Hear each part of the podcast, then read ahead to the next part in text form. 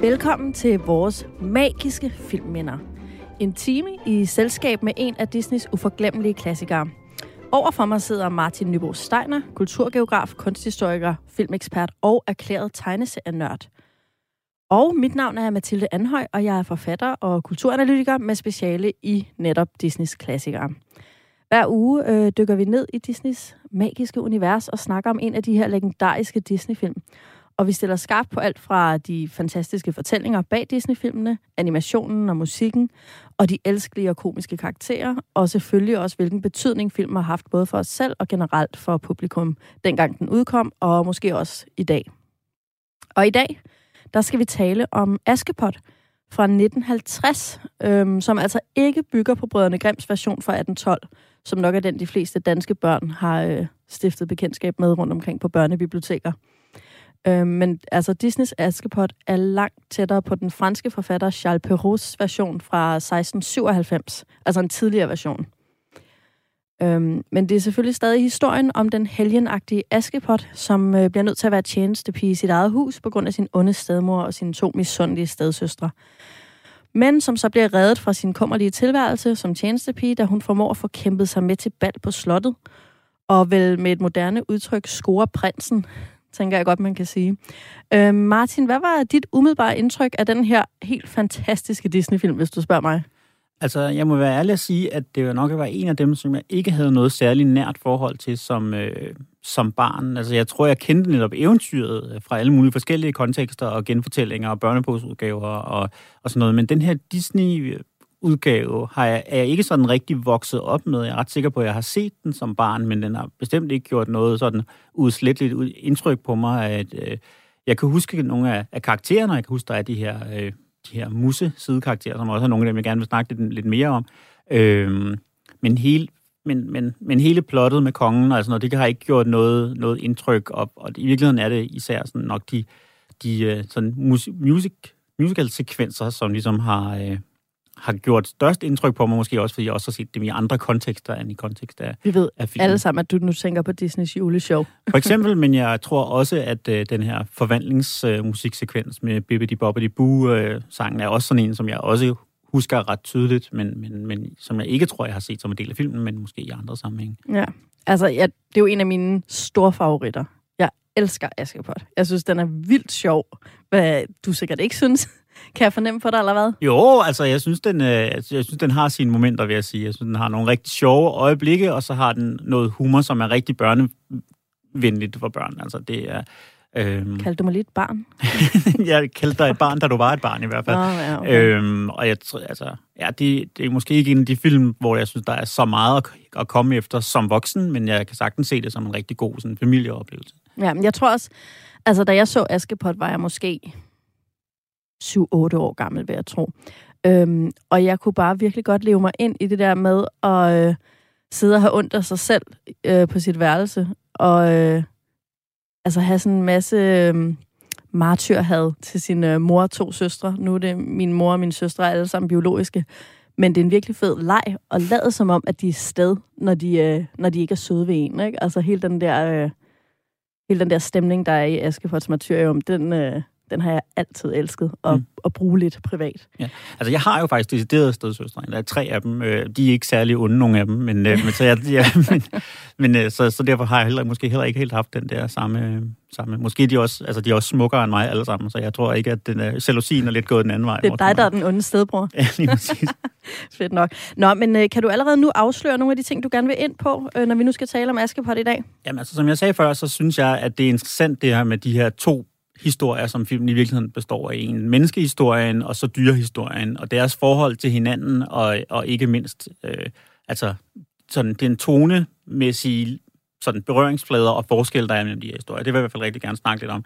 Og, og så, på det, der er sjovt, så vil jeg gerne tale om noget af det, som virkelig er pudsigt, nemlig den her kongekarakter, som jo er stort set ren Disney-fabrikation. Ikke? Kongen er ja. ikke noget i nogen af eventyrudgaverne, og hvad det er, altså, det er virkelig det er en, det er en pussy Opfindelse. opfindelse og en ja. pussy karakteristik af en karakter, den her, den her konge. Så de, de to ting tror jeg gerne, jeg vil snakke om, og ikke mindst øh, vil jeg gerne tale om hans kongens smag i litteratur og kongens smag i, øh, i billedkunst. Det synes jeg er begge dele Vi sætter 20 minutter af til et portræt af kongen i Askepot.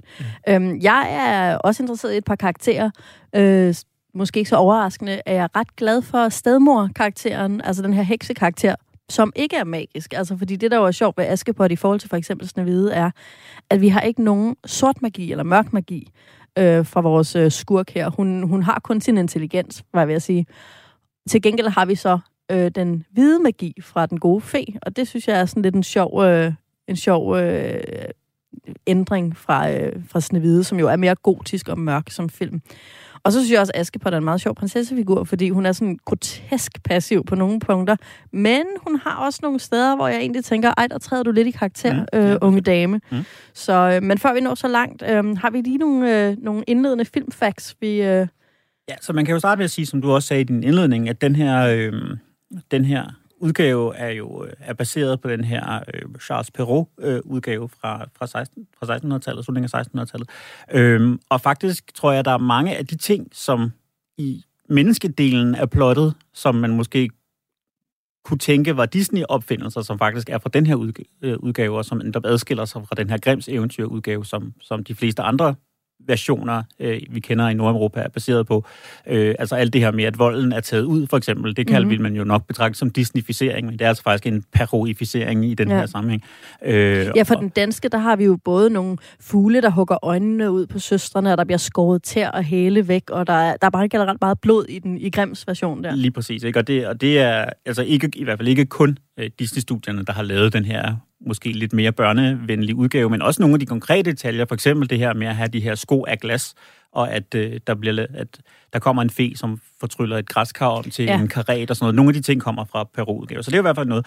En anden ting, der også er værd at vide om den her film, det er jo at sige, den rolle, den har spillet for Disney-studiernes udvikling, at øh, man kan i hvert fald godt argumentere for, at den redde studierne på et tidspunkt, hvor øh, Disney-studierne havde været i økonomisk krise. Der var mange af de her film fra 40'erne, som vi i dag betragter som klassikere, men som ikke var sådan vildt store kommercielle succeser i sin egen tid, blandt andet fordi man jo hele krigsårene manglede man jo en stor del af sit marked ved, at filmene simpelthen ikke blev spillet i Europa. Ja. Øhm, og, og mange af filmene jo også først kom til Danmark meget, meget senere. Og øh, Askepot er jo fra 1950, så det er en af de første øh, genkomster af Disney-filmene øh, til Europa. Lige præcis, og det var en kæmpe kommersiel succes, man tjente masser og masser af penge og lagde ligesom grundstenen for, at man kunne blive ved med at køre videre på de her.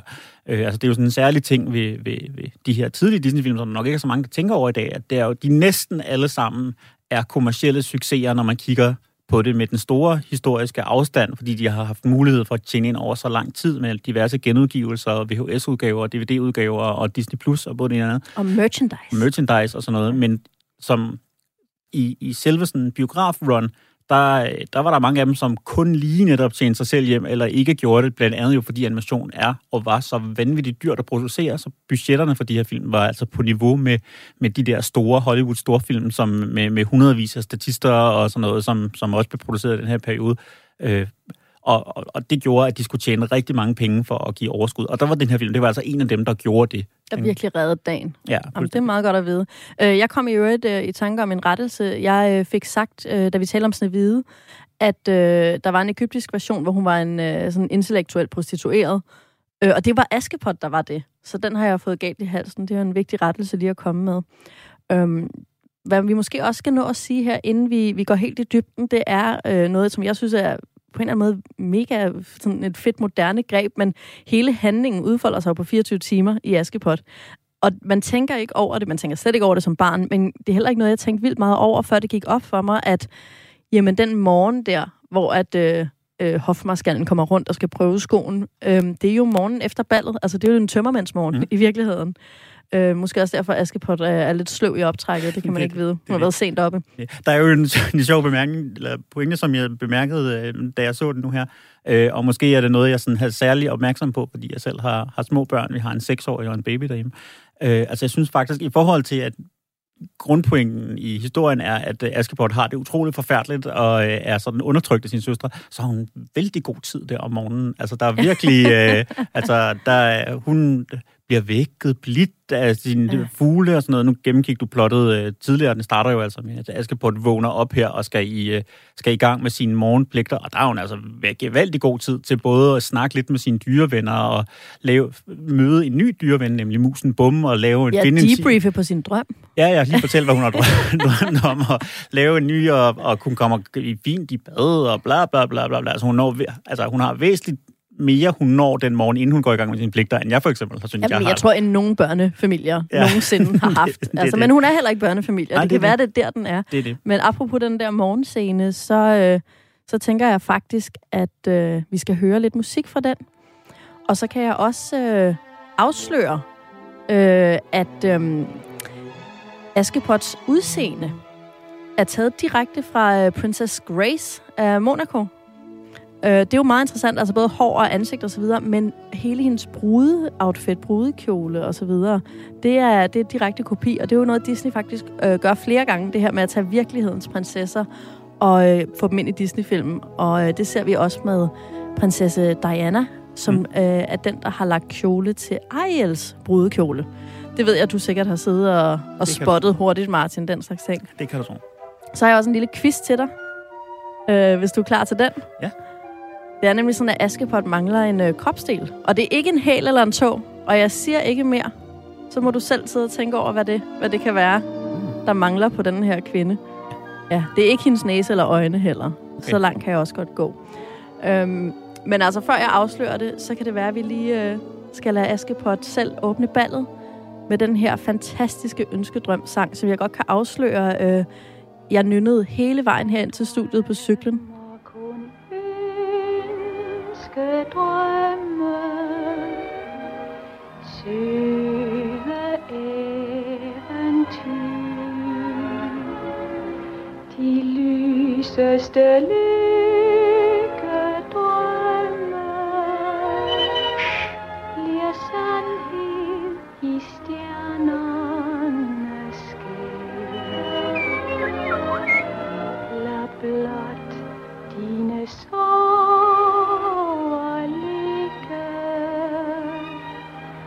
stol på dine drømmes fri. Og hvis du bare inderst inde tror du skal lykken finde, bliver drømmen til sandhed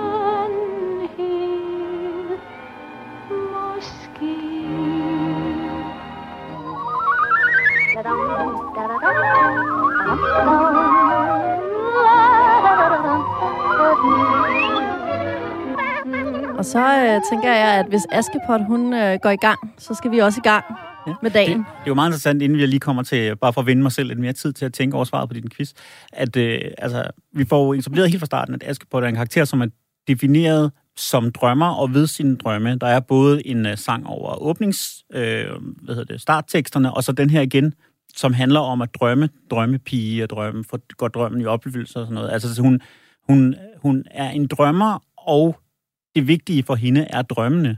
Ja. Øh, og det, altså, og det, det sætter jo også som rammen for plottet, at det her det handler om, hvordan hendes drøm skal gå i opfyldelse. En drøm, som hun måske ikke ved, om hun har der i starten, om at finde en, en, en mand, og, men i hvert fald om at komme ud af huset og komme videre fra sin ulykkelige situation. Det kan jo godt være, at hun ved, at hun har den her drøm. Hun siger det jo bare ikke, fordi så går den jo ikke i opfyldelse. Nej. Men lagde du så mærke til, øh, hvad moralen var i sangen? Omkring, hvor, altså, hvornår er det, en strøm går i opfyldelse? Har du mærke til det? Øh, når jeg ser et stjerneskud. nej, nej, nej, nej, nej. Det er, hvis du virkelig tror på det inderst inde. Ah, ja. Og det, jeg synes, det er så skønt med de der tidløse, sådan, også lidt amerikanske måske pointer, man skal bare believe it, mm. så kan alle komme fra bunden af samfundet til toppen. Ja, Hvis det, kan de ej, selvfølgelig. Men, det, er, det er The Secret, øh, længe før den tid. Ja, der er jo en meget interessant, det, nu springer vi lidt frem i plottet, men en interessant brug af ordet tro, øh, senere, øh, fordi det er jo, det, det er jo en af de film, hvor der ikke er nogen overhovedet sådan religiøse referencer til det. Altså, det er jo ikke en kristen tro på nogen måde, men det er alligevel det begreb, der bliver brugt, og, Og den gode fe siger det her på et tidspunkt, hvis ikke du troede, vil jeg jo ikke kunne hjælpe dig. Men hvad, altså, hvad er det, Ja. hun tror på? Er det på sig selv, eller er det på drømmen, eller er det på det gode i mennesket, eller hvad? Det bliver ligesom, men, men det er bare, det at tro i sig selv er noget godt, ikke? Ja, øh, og jeg, jeg tror, det er i høj grad er troen på den gode fremtid. Altså troen på, at alting nok skal gå. Altså det er den her øh, optimisme-tro, i Mm. virkeligheden, vi har fat i. Øh, men jeg nævnte jo før, at øh, Askepot mangler en kropsdel i Disneys version, som jo altså hverken er en hel eller en tog. Har du et bud på, øh, hvad det er? Nej, altså min første indskydelse var, og det er jo fordi, det er noget, der er en meget lang tegnefilmstradition for, det er jo at kun give karakterer fire fingre. Øh, alle, fra, alle fra, øh, fra Mickey Mouse til Simpsons og så videre, så videre Ja. har, har kun fire fingre, fordi det altså faktisk er, altså man kan virkelig spare mange penge på animation. Altså det er tusindvis af kroner per Simpsons-afsnit, de sparer ved kun at skulle animere fire fingre per, per karakter i stedet for fem. Øh, jeg tror ikke, det er en finger, Askepot mangler. Det Det, det vil jeg have, det vil jeg have tænkt over, men, men jeg tænker, uanset hvad det så måtte være, og jeg er spændt på at høre det, øh, så altså rationalet har i hvert fald garanteret været det samme, at det simpelthen var en detalje, som, som man kunne undvære, og hvor det derfor var, var penge at spare i at lade være med at tegne det. det, det er sjovt, fordi jeg anede ikke, hvad... Altså, jeg var ret sådan undrende over, hvorfor man gjorde det her. Men det ved jeg så nu. Det har simpelthen været en, øh, en, et sparegreb. En- en det er sparekniven, der, har, det ikke, der ikke har skåret hæl og to af, men hendes ører Spareskalpellen. Ja, spareskalpellen har simpelthen skåret Askepots ører af. Ah. Øhm, man ser nogle gange nogle buler, som egentlig mest er hendes kæbelinje, øh, hvor der bare ikke er ører. Og hvis det skulle være ører, så mangler der i hvert fald noget brusk. Altså, det er bare sådan en hvid boble. Så øh, det jo meget sjovt. Ja. Nå, Man kunne sikkert godt lave en interessant sådan freudiansk eller, eller, eller sådan feministisk eller begge dele læsning af det her med at have en, denne her drømmekarakter, som er afskåret fra omverdenen ved ikke at kunne Ja. høre og sådan noget. Men, øh, men jeg, mit lidt gæt ligesom, at de blinde er særlig seende, øh, så de øreløse måske særlig drømmende. Det kan man jo ikke. De kan ikke høre netop, virkeligheden. Men øh, jeg, jeg, jeg, mit, nej. mit gæt ville nok være, at det var den anden forklaring, der, der var den Det tænker jeg også. Nå, men altså, det er jo ikke sikkert, at alle har set Askepot sådan lige for nylig, så øh, det kan være, at vi lige skal oprise de mest relevante dele af det her gamle Disney-eventyr. Øhm, det er jo ret skønt at relatere på et pigeplot. Øh, det hele handler ligesom om at finde det rigtige outfit, så man kan komme med til den fede fest.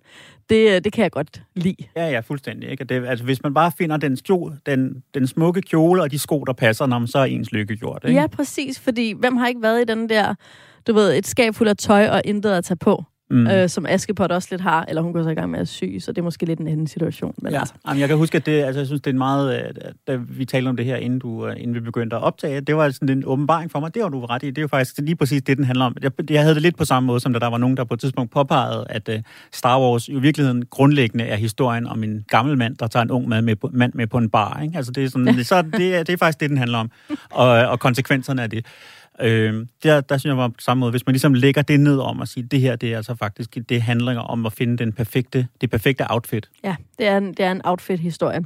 Men altså, filmen starter med den her klassiske Disney-start, øh, som jeg jo elsker, den her gamle eventyrbog, der åbner sig selv, og så glider man direkte ind i illustrationerne, der langsomt går fra de der gamle eventyrillustrationer, som du tit fabler om, Martin, og som så bliver Disneyficeret foran øjnene på en. Øh, det er altså, det er da min yndlingsgreb. Ja, det fungerer rigtig godt, ikke? Og det, det sætter også, altså, det skriver filmen ind i en tradition, som både er før og efter netop med de her eventyrfilmatiseringer, ikke? Ja. Det gør det helt sikkert. Øhm, nå, men så følger vi ellers Askepot i de her hverdagspligter og øh, nogle ubehagelige konfrontationer med stadfamilien. Og ved siden af det, så følger vi øh, musene Tim og Bum og deres evige flugt fra katten Lucifer. Øh, et parløb, som vi helt sikkert også kommer mere ind på senere. Men plottet sættes vel egentlig først rigtig i gang af kongen, øh, din personlige yndlingskarakter i den her film. øhm, han vil utrolig gerne have børnebørn, også et moderne, øh, relaterbart øh, ønske. Og apropos ønskedrømmen, så kan det være, at det er det, han vågner op om morgenen og synger om. For ikke der er nogen tvivl om. Nej, det, det er fedt. Nå, og derfor beslutter han altså at holde et bal øh, med måske verdens korteste varsel. Altså samme aften vil han holde et kæmpe royal bal. Tænk, hvis dronning Margrethe gjorde det. Det ville være blæret. Meget dramatisk. Og Askepots onde stemmer og onde stedsøstre vil selvfølgelig ikke have Askepot med til ballet. Men med hjælp fra mus og fugle, og så bagefter den gode fe, så får Askepot kæmpet sig vej til ballet. Hun møder prinsen, forelsker sig, taber sin glassko, øh, fordi hun må flygte hjem ved midnat. Og den her glassko bliver jo skæbnesvanger, fordi prinsen sværger, at han kun vil gifte sig med den pige, som passer skoen. Og øh, det går øh, stedsøstrene, det gør stedsøstrene et hederligt forsøg på. Ikke med kniv og saks og blod, som vi kender det fra folkeeventyret, men med sådan kluntet og super Disney-venlig øh, sekvens, hvor vi ser de her kæmpe klodsede sådan gummifødder blive presset ned i øh, den her lille glassko, der så plopper af sådan under spændingen.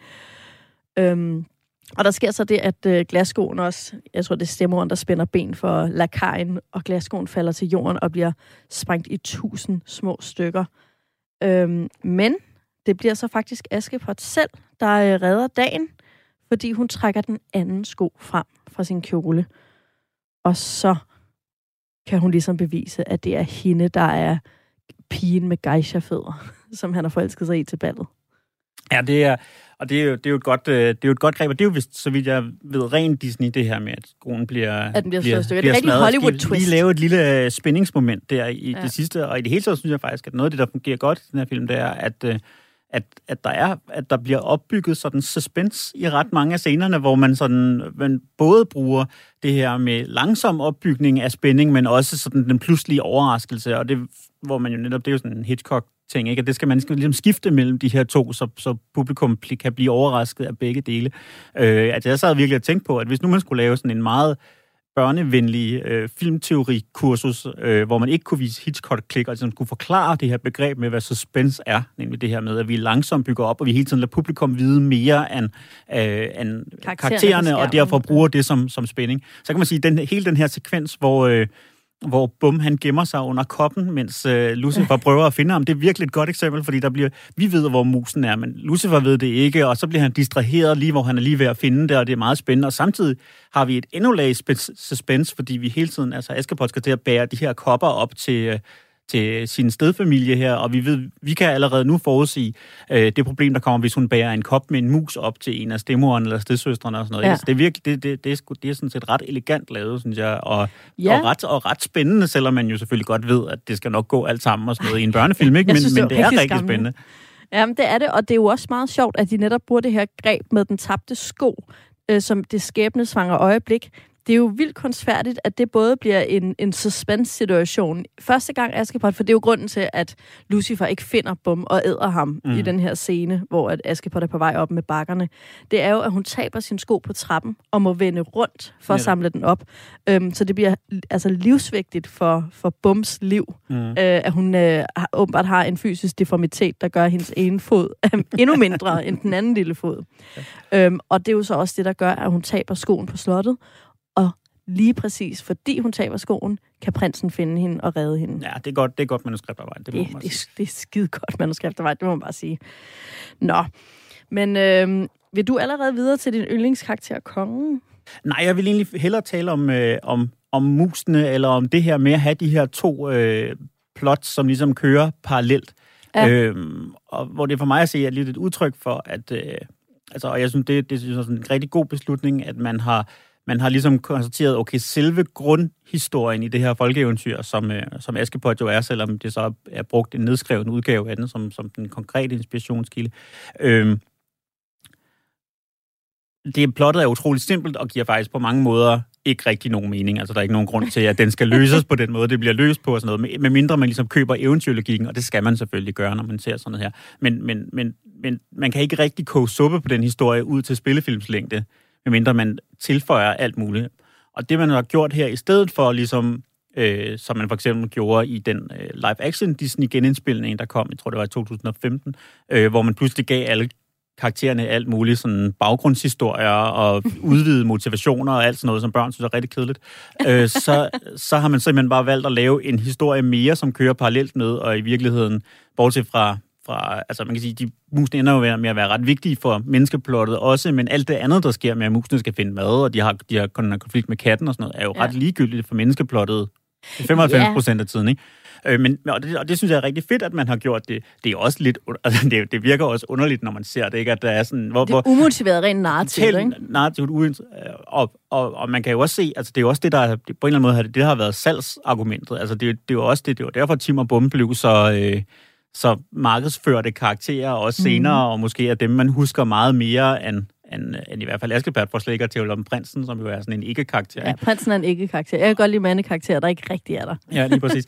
øhm, og, øh, og, og, og, jeg synes sådan, jeg synes, det er ret sjovt det her med, at, øh, at den her, at, at, at det er sådan nogle, nogle dyrekarakterer, som lever lidt i deres egen verden, og har deres egne små dilemmaer og sådan noget, og så sker der ligesom sådan en eller anden stor folke, øh, eller eventyrfortælling hen over dem, som de jo ikke rigtig har nogen del i, Ja. eller kan forstå øh, andet. Jeg, jeg, jeg kom til at tænke på, at det er måske en lidt højtflyvende reference til det her, men, men, øh, men der er et, øh, et teaterstykke, t- øh, der hedder øh, Rosenkrantz og Gyldenstjerne er død af Tom Stoppard, sådan et øh, postmoderne teaterstykke om, øh, om de her to karakterer, Rosenkrantz og Gyldenstjerne fra Hamlet, som jo netop er bikarakterer. Og, øh, og så øh, i Hamlet... karakter i hvad? Nå, i Hamlet. i Hamlet. Ja. Og i, den, i det her, der handler stykket så ligesom om det her med, øh, hvad laver de egentlig, når de ikke er, om man så må sige, på scenen i den vigtige historie, og hvordan ja. forholder man sig til, hvis man godt på en eller anden måde ved, at man er en bikarakter, eller at man ikke er den vigtige. Hvad, hvad, hvordan er det egentlig? Det er ligesom Øh, at være upopulær i folkeskoleklassen. lige præcis. Man Ja. ved godt, at der sker et eller andet. Man har ikke Ja. ja. rigtig noget med det at gøre. Det Nej. der med at gå til fester og kysse piger og sådan noget. Det er Ja. sådan ikke rigtig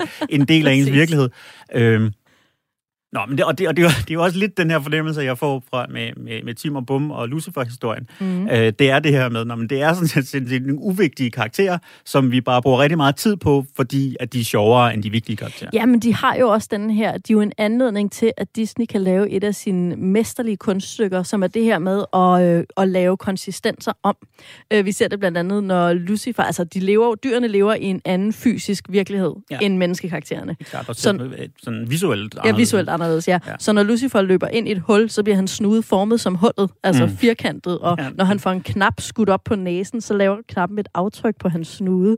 Jeg ved ikke, om du har rørt ved en kattesnude, men det er altså en hård fætter. Jeg, jeg ser ikke sådan en knap lave et aftryk, men det, det er bare klassisk Disney, altså nuttet, nuttet komik med de der øhm, sådan konsistens øh, jokes i virkeligheden, eller visuelle øh, jokes, ikke? Ja, ja. Nu nævnte jeg før det her med, at det her det er måske ikke en af de Disney-film, hvor der er så meget at komme efter som voksen. Øh, dels fordi, at det er, altså der er ikke ret, der er ikke nogen lag i Askepot, det må man bare sige. Det er en fuldstændig en til en historie, og den er meget nem. Man kan godt forstå den, selvom man er 4-5 år, og det kan man sagtens hygge sig med, men som voksen er der ikke, måske ikke så meget at komme efter. Et andet problem med at se filmen som voksen, øh, i hvert fald for mig, det er, at jeg simpelthen ikke kan forstå, hvad de her mus siger. altså, jeg simpelthen ikke... jeg bliver nødt til at jeg bliver nødt til at have, at have, have undertekster på, øh, fordi at de her stemmer, de er pitchet op så meget, så det bliver ren, altså det går simpelthen, det er ligesom en hundefløjte, det er uden for mit, øh, mit øres register. Øh, Jamen, så har jeg simpelthen en test til dig. Øh, hvad bliver der sagt her? Altså, har du nogensinde set en kat-kat? Øh, kat, kat?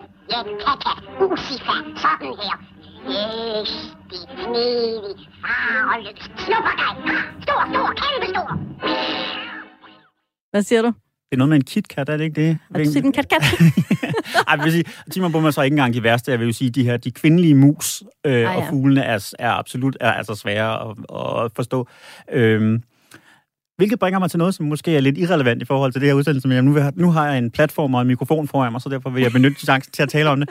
Nem- Nemlig, at øh, det irriterer mig utrolig meget, at øh, på, øh, på Disney+, Plus, hvor den her film jo øh, er tilgængelig, hvis ikke man nu lige har den på DVD, der har de simpelthen taget underteksterne fra den, øh, den engelsksprogede udgave, de undertekster, der er lavet til den engelsksprogede udgave, og også lagt som undertekster til den danske. Ja. Så hvis man hører med dansk tale med danske undertekster, så passer de simpelthen ikke sammen. Altså, der, er nogle, der står nogle andre ord i underteksterne, end dem, der bliver sagt. Og jeg Ja. ved godt, at når man laver undertekster, så skal man jo forkorte for, at det kan passe til øh, de der, hvor mange x antal tegn, der nu kan være i sådan en undertekst. Men, men det er simpelthen, hvor der netop i stedet for frygteligt, så står der forfærdeligt eller et eller andet.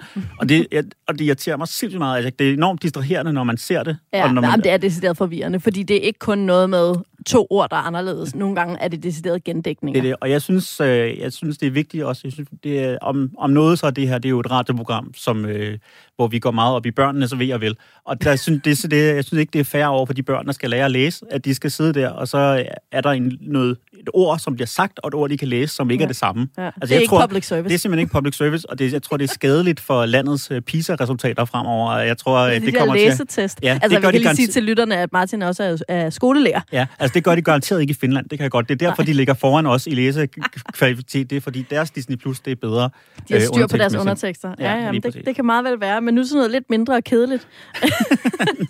Men vigtigt, meget men vigtigt. vigtigt. Ja, øh, nu sagde du jo før, at der ikke er nogen øh, lag i Askepot, og det er jeg jo dybt uenig i. Øh, og som jeg sagde før, er jeg vildt interesseret i stedmorkarakteren, fordi hun er en heks, der ikke er en heks.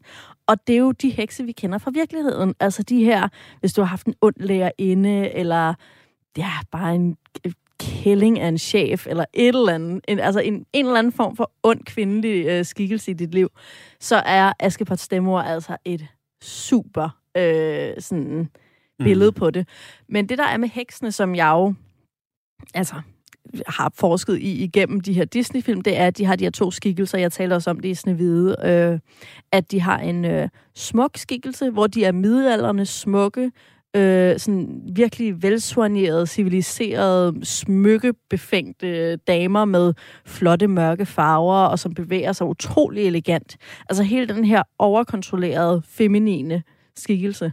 Og så har de den anden øh, deres anden version, de optræder i, og det er deres monsterform. I Snevide er det, når heksen tryller sig om til den her gamle tiggerske, øh, med, som har borter på næsen og alt det her. I nogle af de andre film har vi Malavia, der bliver til en drage, mm. og i Disney-renaissancen har vi Ursula, øh, som jo starter i sin monsterform på en måde, og så bliver en smuk, øh, hvad fanden hedder hun? Undskyld, jeg banner øh, Vanessa, tror jeg, hun mm. hedder hende her, øh, når hun forvandler sig til en smuk version. Og så bliver hun en endnu vildere monsterversion til sidst. Men vi har den her dualitet, som jo skal være two-faced, altså mm. the two-faced woman, ikke? Det her med, at hun er smuk og elegant og til syneladende ufarlig, og så bryder hendes monsterhed bare ud i fuld lys lue med de her monsterting. Og det kan man ikke gøre i en film, der ikke har sort magi. Mm. Men til gengæld kan man jo gøre det på en anden måde øhm, hvor man i stedet for, at hun forvandler sig om til noget, så skifter hun simpelthen bare sin, øhm, den, den måde, hun taler på. Må vi dog ikke kunne bruge den bedre? Lad mig nu engang se. Der er det store tæppe i forhallen. Bang det. Og vinduerne heroppe og nedenunder. Pust dem. Og ja, og gardinerne og på tjære. Men jeg har jo lige... Gør det igen. Det er jo en sindssygt fed måde at skabe den der utilregnelighed, som en halvt kontrolleret og halvt ukontrolleret heks har i sig. Øh, det er også til sidst et, en af de aller sidste scener med stemmerne og Askepot, hvor Askepot taber sin bakke, og det bliver til glasgård, og hun siger, dit lille fjols, sam det op. Hele mm. tiden bliver man ligesom holdt, øh, man bliver så nervøs af det næsten, ikke? I utilregneligheden. Ja, ja. Det synes jeg er virkelig fedt lavet. Ja, ja, det, man, skal, man er sådan on edge hele tiden. Altså, man skal hele tiden, man ved aldrig, hvad der kommer. Ikke? Og Nej, det er præcis, også, og det viser også den psykologiske version af det her med altså kontrolleret, civiliseret øh, menneske, og som monstermenneske. Det er jo en menneskelig ting, det der med, at når man bliver vred, kan man ikke styre sig, og det der ens indre monster kommer frem. Det er jo, altså, det er jo psykologi på højt niveau, Martin. Ja, det er da, det er da lag, det må du indrømme. det kan selvfølgelig godt have ret i. Jeg synes, det er meget interessant, nu siger du det her med, at, det jo, at, at Stimuren jo netop ikke er en heks, fordi hun har ikke en magiske kræfter, men er kodet som en heks på mange mm. måder, og har, netop, har jo netop en, en, øh, en, en, sådan en kropsbygning, som peger tilbage til nogle af de her andre hekse fra de her eventyrfilmatiseringer. Ja. Øhm, Hvorimod den eneste øh, eksempel på reel magi, der er til stede, nemlig den gode fe her, jo så ser helt anderledes ud. Øh, nemlig har den her, den her sådan bløde, runde, lidt, øh, bud, lidt, sådan øh, lidt forvirret, mormoragtige øh, fornemmelse. Ikke? Og det, det peger jo også i retning af det der, som jeg synes er meget interessant øh, med, med kroppe, fordi vi jo også har at gøre her med en film, øh, som, øh, og nu foregriber jeg måske lidt noget af det, jeg kommer til at tale om til sidst, men noget af det, som ikke helt fungerer i, i den her film, som dyrker skønhed som så meget. Altså hele drivkraften bag plottet er jo, at der er nogle grimme mennesker, der er, øh, der er misundelige på nogle smukke. Ikke? Det er meget sådan nitiansk på en eller anden måde. Ikke? At det, at Men, det, hvorfor er det nitiansk? Fordi der er jo sådan en forestilling om det her mellem, at, at oprindelsen for det gode og det onde har været mellem det gode og det slette, så det her, der, der er altså den her sammenhæng mellem det, det grimme eller det urene og så det onde. Ah, øh, ja, så det smukke er automatisk godt, og det grimme er automatisk ondt. Lige præcis, ikke? Ja. det er sådan ligesom grundlaget for vores moral, kan man sige. Øh, og, Men dog. Hvad var det, jeg ville sige? Nå, nå jo, at, øh, at, øh, at altså, og, og vi hele tiden får at vide, og de er jo også de er jo tegnet sådan utrolig sådan ufeminin, de her stedsøstre, hvor uden bryster og med, med grimme ansigter og sådan noget. Ikke? Altså, store klodsede træk store og bevægelser. Lige præcis, og netop de her altså der bliver sådan vrænget af dem flere gange, når der er mænd, der kigger på dem. Ikke? Altså, de, altså det, det er, de bliver gjort meget, meget, meget grimme her.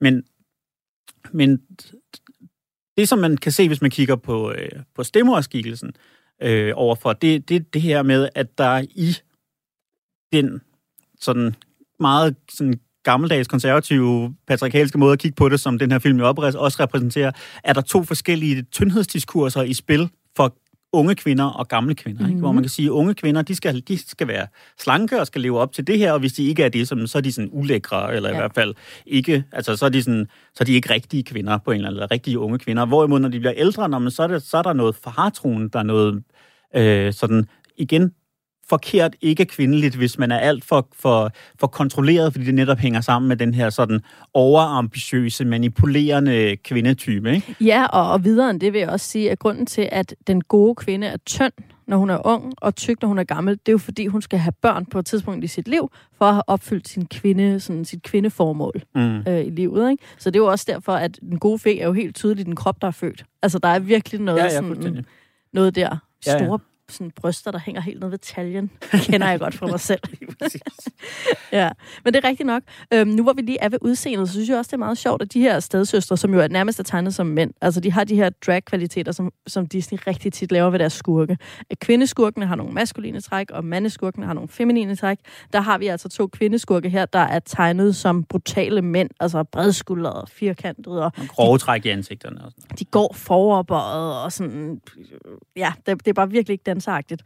Øh, og både Askepot og stemmeorden er jo faktisk tegnet meget ens, og bevæger sig også meget ens, nemlig i sådan nogle elegante øh, balletdanseragtige bevægelser. Og øh, det er jo lidt et, øh, et ekko af det her med, at prinsesserne og stemmøderne faktisk i mange teorier er biologisk øh, beslægtet.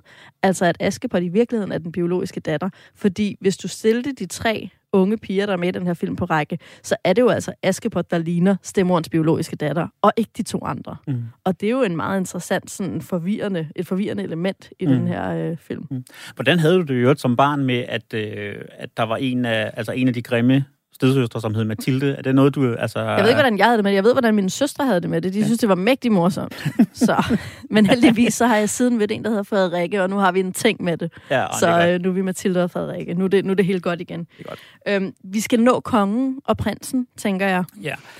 Altså, som vi var inde på før, så er prinsen jo fuldstændig ikke eksisterende som og der er karakter. et element ved ham, Ja. som jeg synes er vigtigt at få med. Og det er, vi er jo netop, som vi også taler om i starten af udsendelsen, vi er jo lige efter 2. verdenskrig, og derfor har vi også den første prins, der optræder i militær outfit. Øh, så det er jo meget sjovt, at Disney pludselig er begyndt at interessere sig for det her, Mm. Ja. efter en vundet krig. Jamen, det er rigtigt. Det er rigtigt. Men, men ellers kan man sige, at han har stort set ingen replikker, og, og altså, bliver jo først, altså, dukker op i filmen en time inden, eller sådan noget, øh, og er bare, har ingen anden funktion end som begærsobjekt for, øh, for Askepot og alle andre kvinder i riget i øvrigt. Øh, til gengæld så er kongen, han er virkelig, han er virkelig spøjs. Jeg ved ikke, hvordan vil du karakterisere den her konge, Jamen? Altså, han er jo den her, øh, han er jo en gal konge. Øh, det er jo det første, man lægger mærke til, fordi han har både den her flinke konge, som vi også ser i flere Disney-film, blandt andet i Sultanen i Aladdin, som vi jo lige har talt om. Mm.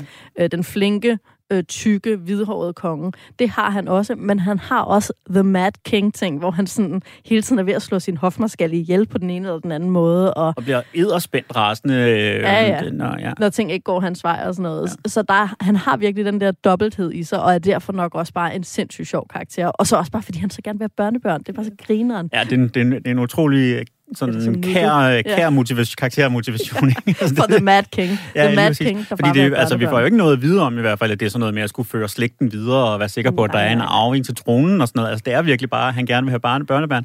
Og det peger mig jo så Han, hen han til... siger jo sådan noget med, at han vil høre deres små trin og sådan noget. Ja, og det bringer mig frem til min yndlingsjoke i hele filmen. Det synes jeg altså, det er utroligt sjovt lavet, og øh, nemlig der er et, på et tidspunkt, hvor, øh, hvor han for første gang sådan, fortæller om sin motivation, hvor han så går igennem sådan et, et rum, hvor der er, er malerier af, af kongen og prinsen i forskellige aldre. Riddersalen. I riddersalen, ja, og det er, altså, det er virkelig det er, det er en sjov visuel gag, at det der, de der malerier bliver bare større og større, indtil de er sådan fuldstændig monstrøst store, og samtidig så bliver øh, prinsefiguren bliver fylder mere og mere, og kongefiguren bliver bogstaveligt talt sådan presset helt ud i kanten. Nogle gange kan man slet ikke se ham, og man kan jo altså, Altså, han er ved at falde af en hest han er ved at falde af en hest og holder sådan fast i sin krone, hvor det ligner sådan et, altså det ligner sådan et, fejl, et fejl, øh, fejlslagen fotografi, som er blevet malet. Fotobomb. Altså det er, altså en af de der, hvis no, der er nogensinde er nogen, der har, øh, der har sådan skulle kigge på billeder, gruppebilleder af dem selv, hvor der så, altså, hvor det, de, altså,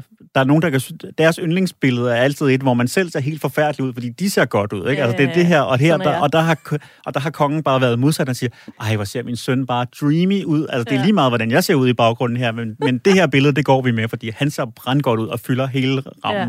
Det synes jeg, det er rigtig sjovt lavet. Det, er- Det er ja, skide sjovt. det er en- Og han er også den der kastrerede monark, ikke? Fordi Ja. ja. han starter... Det første, vi ser til kongen, det er, at han kaster sin krone ud af vinduet, fordi Ja. ja. han bare vil have børnebørn, ikke? Ja. Ja. Og det er det eneste, han tænker på. Ja. Så kunne jeg en anden ting, jeg godt kunne tænke mig at spørge om. Det ved jeg, nu er det jo lidt tid siden, du har været på datingmarkedet, øh, Mathilde. Men jeg ved jo, at dengang du var det, der var du sådan en, der, der dømte folk ud fra deres boghylder, når du var hjemme hos en fyr første gang. Og avisabonnementer. Avisabonnementer, hvis, øh, den, ja, det siger jo noget om, hvor lang tid det var. Øhm, men i dag ville det være streamingtjenester, ikke? Ja. Øhm, Nå, du har Paramount Plus. Okay, spændende. Nå. øhm, hvad hedder det? Hvis du nu kom hjem til en, der som kongen øh, i den her bog, eller den her film, kun havde tre bøger stående, og det så var, som det var hos kongen, Platon, Homer og Rabelais. Hvad, hvad, du det? Rabelais er, det skal du lige... Jamen, øh, altså, ude, at, jamen det, han er en fransk, øh, sådan romantisk forfatter, der er ikke nogen grund til, altså, som, ja, altså, jeg, jeg, jeg kan ikke se, at der er nogen som helst paralleller i hans, det er også, der er også noget med nogle rejser og noget i nogle af hans værker og sådan noget, men, Ja, men jeg, det er der jeg, hver gang en mand skriver jeg, en bog. Jeg kan, ja, netop. øh, jeg kan ikke, altså, jeg kan ikke lige umiddelbart gennemskue, at der skulle være noget sådan i tematikken, der gjorde den særlig relevant for den her film, og jeg kan heller ikke se, at, det, at der er nogen sådan særlig sammenhæng mellem ham og så til Homer og Platon. Øh, så altså andet end, at det er, sådan, det er tre bøger, som der nok er væsentligt mange flere, der har, eller forfattere, som der er væsentligt mange flere, der har stående, end har læst. Øh, Ja. hvad, altså, Jamen, jeg vil sige, når man ser de der Homer og Platon, øh, begge dele, og jeg har aldrig set den anden bog der, Nej. Nej. nogen steder, vil jeg sige. Men der bliver man jo altid heller ikke, da lidt... du boede i Frankrig, der var du ikke øh, sådan. Nej, der, der var jeg kun på bar, der var jeg ikke hjemme hos folk. Nej. det ved jeg ikke. Men, øh, men det der, øh, der er sådan et eller andet prætentiøst over at have de der øh, sådan helt håbløse værker stående, som aldrig er blevet læst. Ikke? Mm. Eller hvis man er smart og netop er på datingmarkedet, skal man sørge for lige at åbne bogen og knække ryggen. Yes. For så ser en hvilken som helst ny bog læst ud. Mm. Ja, ja, ja. Så fik jeg lige et tip derude. Men ja, der vil jeg nok, jeg vil nok løbe skrigende væk, fordi e- en ting er ikke at læse bøger, det, det er jo fint nok. Men at lade som om man gør, det er virkelig turn off. Ja. Så hellere bare spille med åbne kort og have, et sådan, have sin lædersofa og sit, øh, et glasbord. Sit glasbord, ja, Ja, og præcis. sin, øh, sin ikke-bogreol. Netop. Ja. præcis. Øh, vi har jo ikke vildt meget tid tilbage. Øh, vi skal faktisk øh, til at komme hen til vores øh, faste indslag, Mm. øhm, som vi jo gør hver uge. Øhm, og det er jo øh, øh, det er et klimaks, det er en tokhummer, og så er det øh, selvfølgelig også forkyllinger. Og øh, det kan være, at vi lige også skal have forklaret dem. Det er lyden af de faste indslag, Martin. Ej, hvor fedt. Øhm, men ja. Vi det kan være, at vi skal starte med, med tokrummeren, fordi det, øh, det er jo netop der, jeg nævnte det også tidligere, hvor vi prøver at tage et eller andet, hvor man kan sige, okay, her har filmen måske ikke ældet så godt, som man kunne have ønsket her. Et element i filmen, som man nok forhåbentlig ville udelade, eller noget, man ville lade være med at gøre, hvis man skulle lave filmen i den, eller den, hvor man sidder og, og cringer lidt, når man, øh, ja. når man ser den derhjemme. Øhm, Ja, og der jeg, vil jeg... har, jeg har jo lidt sagt, hvad, mit, øh, hvad min tokrummer vil være for det her. Det er nok det her med at lade en, øh, en, en historie en for børn styre så meget af, at de, de, øh, de grimme er misundelige på de smukke. altså det, det synes jeg faktisk, at det, bliver, det er, er sådan lidt, lidt ikke så godt. Men der er jo ikke så meget at komme ud af, fordi det er jo sådan eventyret er. Altså det, man kan sige, hvis man vil lave den her historie, så er det ligesom en grundpræmis. Altså så skal man i hvert fald lave alle mulige krumspring for, for Ja. at undgå det. Øh, men jeg tror måske i dag vil man nok sørge for, at man ligesom fik Kunne de gjort... ikke bare have været onde og ikke grimme, ikke? Så Lige- var meget reddet. Lige præcis, ikke? Altså, hvis, der, jeg tror, hvis man lavede den i dag, så ville man på, på en rigtig kedelig måde være nødt til at indskrive i manuskriptet, om det handler, det er jo indre skønhed, det handler om, Ja. og bla bla bla, ikke? Ja, Sådan det, noget, det skulle man nok øhm, have lavet. Men jeg, jeg er faktisk i samme øh, boldgade med min tørkrummer. Netop, øh, jeg har det her med, at de, de skal... At der bliver, de bliver hånet stedsøsterne, fordi de synger falsk. Og måske det har at gøre med, at jeg er skrigende umusikal selv, og det vil lyde meget som mig, øhm, hvis det var mig, der skulle synge. Men øhm, prøv lige at høre det her en gang. Så smukt og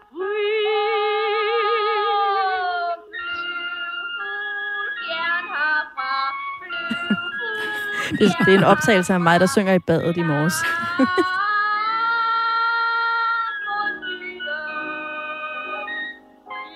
Og det fede er jo her, at Lucifer, katten, lusker ud af musikrummet, fordi mm. han ikke har lov at høre på det. Og så panorerer kameraet nedenunder.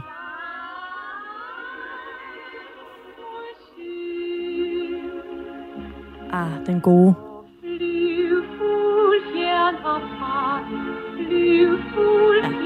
Der vil jeg bare sige på vegne af alle os, der synger vinende falsk, så er det bare skide strengt, det her. Man kan altså godt være et godt menneske, selvom man ikke Ja, man kan. Og, og man har ikke fortjent sådan en ond skæbne, fordi man ikke kan synge.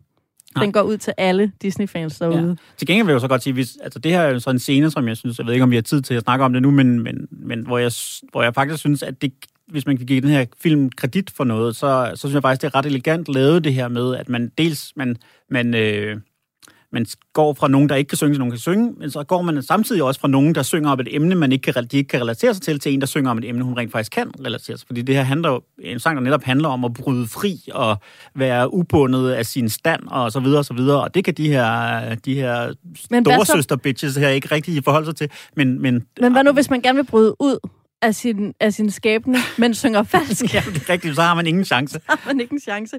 Nå, men vi skal også uh, have udnævnt vores Disney-klimaks, som jo er det sted i filmen, hvor vi er allermest sådan, taget ind af stemningen, og hvor vi virkelig mærker øh, den her Disney-magi for fuld drøn.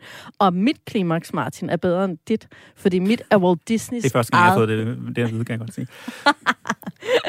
øhm, det er Disneys eget, det er Walt Disneys eget klimaks for alle hans film. Fordi at øh, Askepot-filmen har nemlig hans øh, Walt Disneys yndlingsstykke animation, og det er min øh, mit Disney-klimaks i den her film. Nemlig det øjeblik, Askepot får sin kjole af den gode fe, og ligesom rækker hænderne op som en balletdanser, og så kommer ud i den her sådan sølvglitrende balkjole. Mums. Det Mm. er bare, og hele den der Bibbidi Bob-sang, som selvfølgelig er udenom den, men lige præcis det øjeblik, det er for mig. Det er det smukkeste øjeblik. Og det er jo også den sang, som filmen vandt en Oscar for bedste sang for, øh, for os Ja, selv. så det er både mig og Walt Disney og resten af verdens øh, Disney-klimaks. Hvad Oscar. er dit Oscar Akademiets. Oscar Akademiets? Jeg synes, jeg synes, der er mange gode scener i den her film, selvom jeg også, som vi vender tilbage til lige om lidt, også keder mig noget undervejs.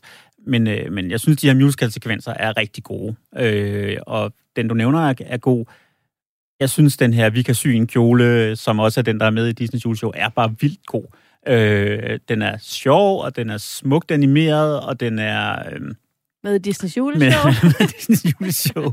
Og den, den, den siger, der sker faktisk noget, og der, altså, hvis nu man skal være meget sådan, øh, øh, sådan fluepillende, så øh, kan man måske godt sige, at der sker noget med, med historien om... Øh, Øh, altså, at der sker noget med størrelsesforholdet, at de her mus, de skifter sådan meget størrelse i forhold til de ting, de står ved siden af, Der er efter hvad der nu... der det er jo lige meget, og det, det er som sagt en film for børn. Men jeg synes, den her scene er, Ja. er vildt god. Det er altså, et godt den klimaks også. Det er de to kjolescener. Det er også plottet i Lige filmen. præcis. Det er en kjolefilm.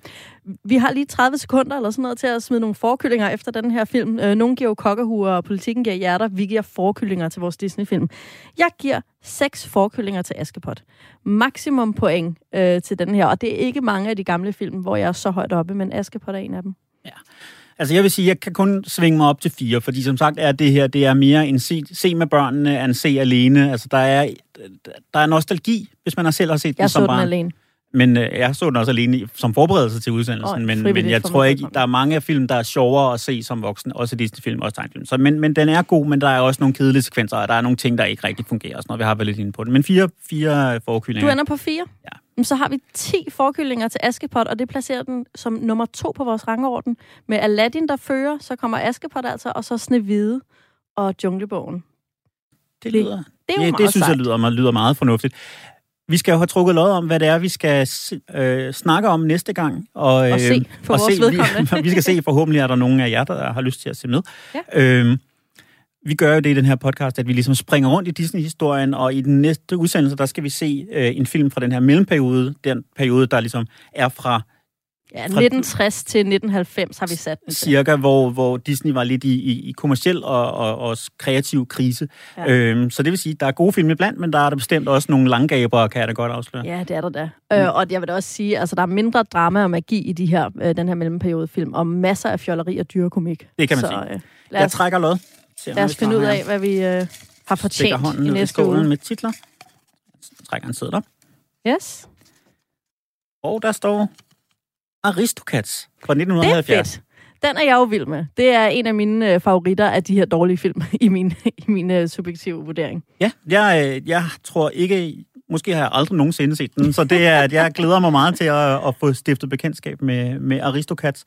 Jamen, øh, det er jo perfekt. Det betyder jo så, at vi i næste uge tager smut til Paris. Øhm, det bliver omkring år 1900, tror jeg, slut 1800-tallet, øh, hvor vi så skal hænge lidt ud med Madame og hendes Aristokatte. Øh, og så er der jo faktisk bare tilbage at ønske god søndag fra begge os til alle jer.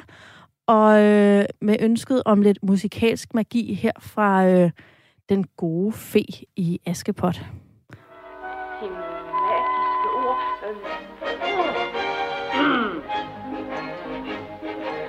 Salakadula, mentikabula, bibbidi bobbidi boo. Prøv selv at sige det og se, hvad der sker. Bibbidi bobbidi boo. Salakadula, mentikabula, bibbidi bobbidi boo. Bare man kan huske det, så kan hver bibbidi bobbidi boo. Ja, salakadula plus. Mentikabula er godt. Men det der især er noget værd, er bibbidi bobbidi boo. Prøv selv at sige det og se, hvad der sker. Bibbidi bobbidi, bibbidi